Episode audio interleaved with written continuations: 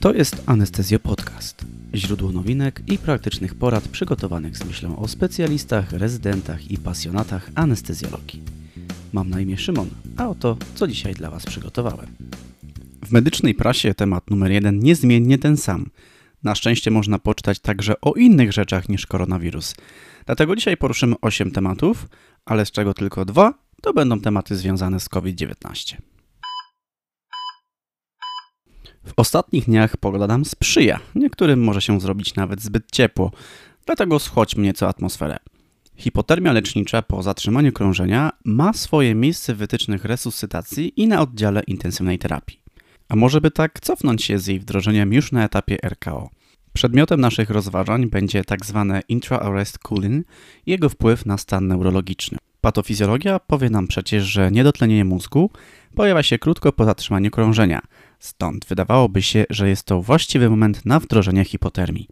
Niestety jednym ze sposobów jej wdrożenia jest podawanie schłodzonych płynów infuzyjnych, co może doprowadzić do przeładowania płynami. I dla takiego postępowania wykazano szkodliwość szczególnie w rytmach do defibrylacji. I tutaj pojawia się metoda schładzania przez nos z wykorzystaniem kaniuli donosowej podającej rozpyloną mgiełkę zapewniającą istotną wymianę ciepła. Według kilku prac wdrożenie takiej metody jest szybkie, a według niedawnego badania randomizowanego wykazano, że jest również dobrze tolerowane. Dobre wyniki neurologiczne wykazano dla 34,8% pacjentów, a dla pacjentów schładzanych tradycyjnie w szpitalu 25,9%. Należy zaznaczyć, że wynik ten nie jest istotny statystycznie. W opisie podcastu na naszej stronie laryngoskop.eu pokazujemy, jak wygląda sprzęt do wdrożenia tej metody. Hipotermia po zatrzymaniu krążenia, zgodnie z wytycznymi Europejskiej Rady Resuscytacji, powinna być utrzymywana w zakresie od 32 do 36 stopni, minimum przez 24 godziny. Czy istnieją jeszcze jakieś inne wskazania dla tej terapii? W tym temacie pojawiło się kilkanaście prac, 14 z nich zostało poddanych metaanalizie. Wszystkie z nich omawiały stosowanie hipotermii poza wskazaniami w oficjalnych wytycznych, to jest w urazie mózgowo-czaszkowym, ciężkiej infekcji i udarze, w łącznej grupie 2670 pacjentów. Jak się okazuje, takie działanie wiązało się ze wzrostem śmiertelności 31% kontra 25% w grupie kontrolnej. To może chociaż lepszy stan neurologiczny związany z ochroną mózgu przed niedokrwieniem, niedotlenieniem. Niestety, nie wykazano żadnej istotnej statystycznie różnicy na korzyść hipotermii. Dodatkowo odnotowano większą częstość zaburzeń rytmu serca. Hipotermia nie wiązała się jednak ze zwiększoną ilością zapaleń płuc, infekcji, krwawień, niewydolności nerek czy powikłań zakrzepowo-zatorowych. Pomimo, że analizowane badania randomizowane były dobrze przeprowadzone i zaplanowane, ich analiza jest utrudniona ze względu na różnice w metodach schładzania. W jednych używa się np. 0,9% NaCl i też w różnych badaniach jego objętość się zmienia. Różnią się także czas trwania hipotermii czy wykorzystywane skale do oceny neurologicznej.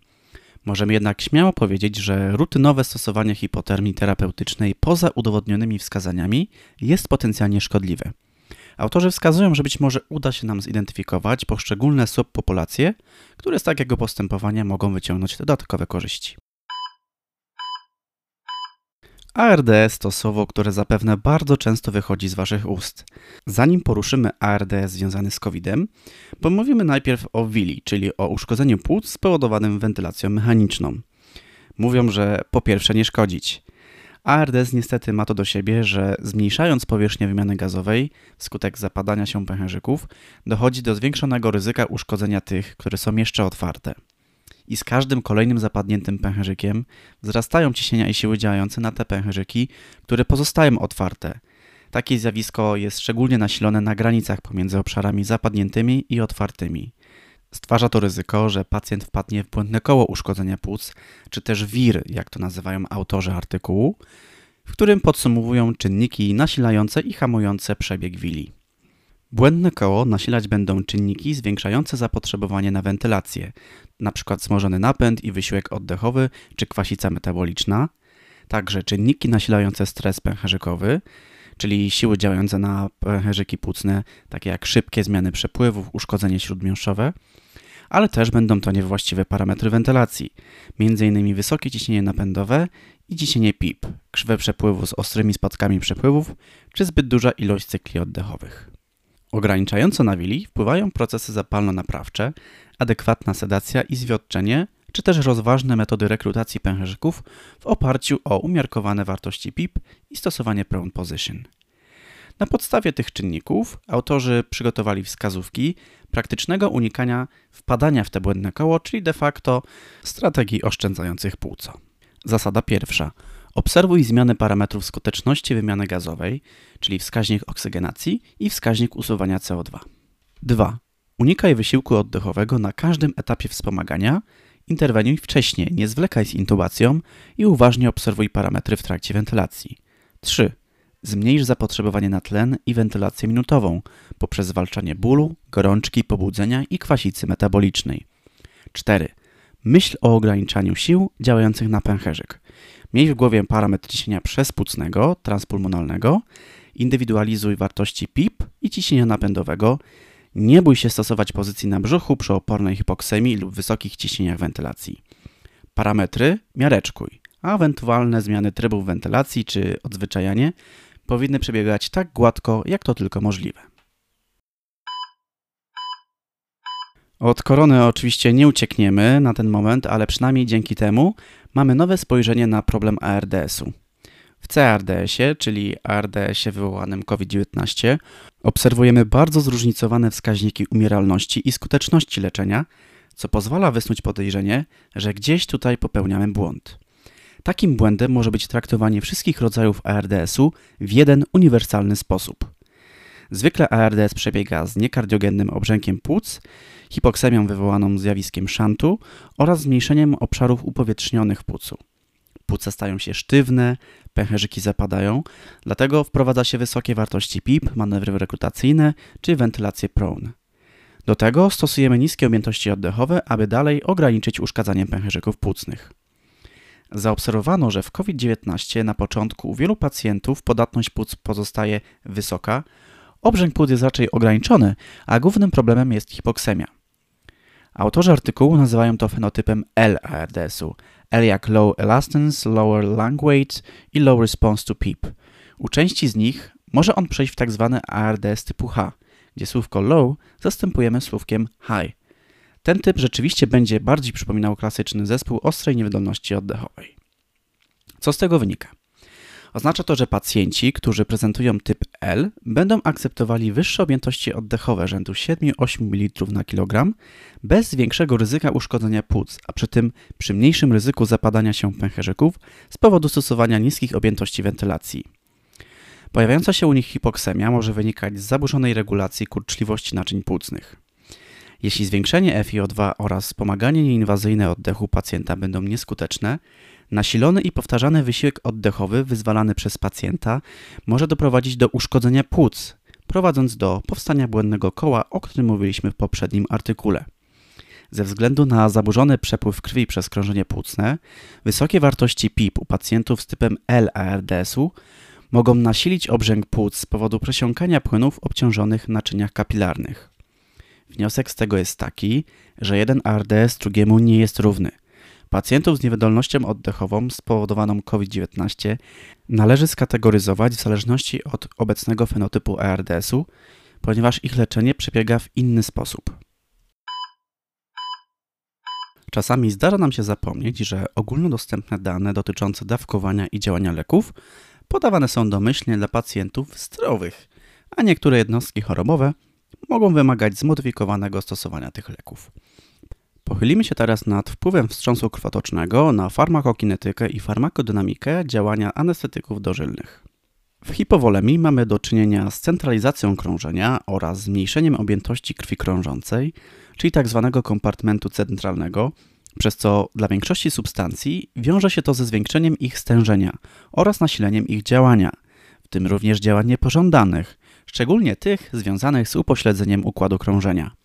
Rozwiązaniem tego problemu jest resuscytacja płynowa, która te zmiany odwraca. Wyjątkiem jest tutaj propofol. Pomimo resuscytacji płynowej zaburzona pozostaje jego farmakodynamika. Wydaje się, że wówczas tkanki są bardziej wrażliwe na jego działanie.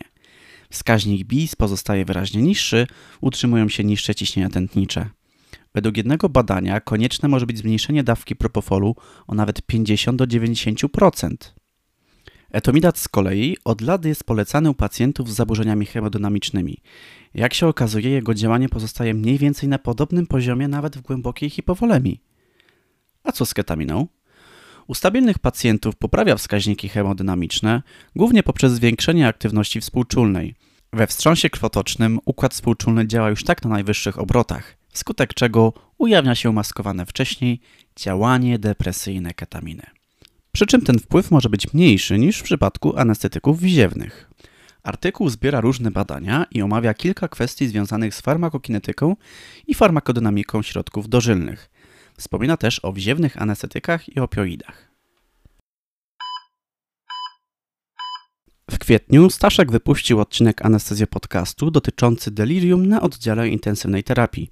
Chciałbym dołożyć do tego odcinka cegiełkę w postaci badania oceniającego przydatność rodzin pacjentów w wykrywaniu delirium pacjentów OIT. Badanie zostało przeprowadzone w Kanadzie w jednym ośrodku.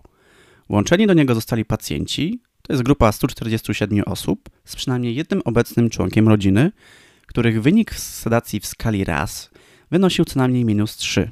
Z badania wykluczano pacjentów, u których stwierdzono pierwotne uszkodzenia układu nerwowego, którzy nie byli w stanie wyrazić zgody oraz których przewidywany pobyt na oddziale był krótszy niż 24 godziny.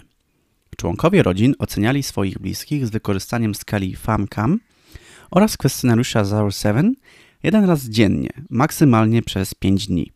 W międzyczasie pacjent był oceniany również przez zespół specjalistów w oparciu o listę kontrolną ICD-SC oraz CAM-ICU, czyli skalę oceny zaburzeń świadomości na OIT. Opis skal CAM-ICU oraz RAS znajdziecie na naszej stronie w artykule opisującym odcinek, który przygotował wcześniej Staszek. Staszek opisuje tam również m.in. sposoby na zapobieganie i łagodzenie objawów delirium pacjentów intensywnej terapii. Warto przeczytać i posłuchać. Wracając do badania. Średnia wieku badanych pacjentów wynosiła 56 lat plus minus 16. Przeważali tam mężczyźni, to jest 60% pacjentów, a w połowie przypadków członkiem rodziny, który opisywał jego stan, był jego małżonek. Ocena dokonywana przez rodzinę jest łatwa do wdrożenia i ma przyzwoitą dokładność, ale nie aż tak jak ocena dokonywana przez personel i wspomniane wcześniej dwa narzędzia. Połączenie wysiłków rodziny i specjalistów zwiększa czułość wykrywania delirium kosztem specyficzności takiego postępowania. Dodatkowym argumentem przemawiającym za zaangażowanie rodziny w proces terapeutyczny jest fakt, że po prostu znają swoich bliskich lepiej, dzięki czemu łatwiej są w stanie zauważyć ewentualne odchylenia w stanie pacjenta. Pojawiają się także badania, według których zaangażowanie rodzin w proces leczenia wiąże się ze zmniejszeniem występowania problemów psychicznych po wyjściu z oddziału.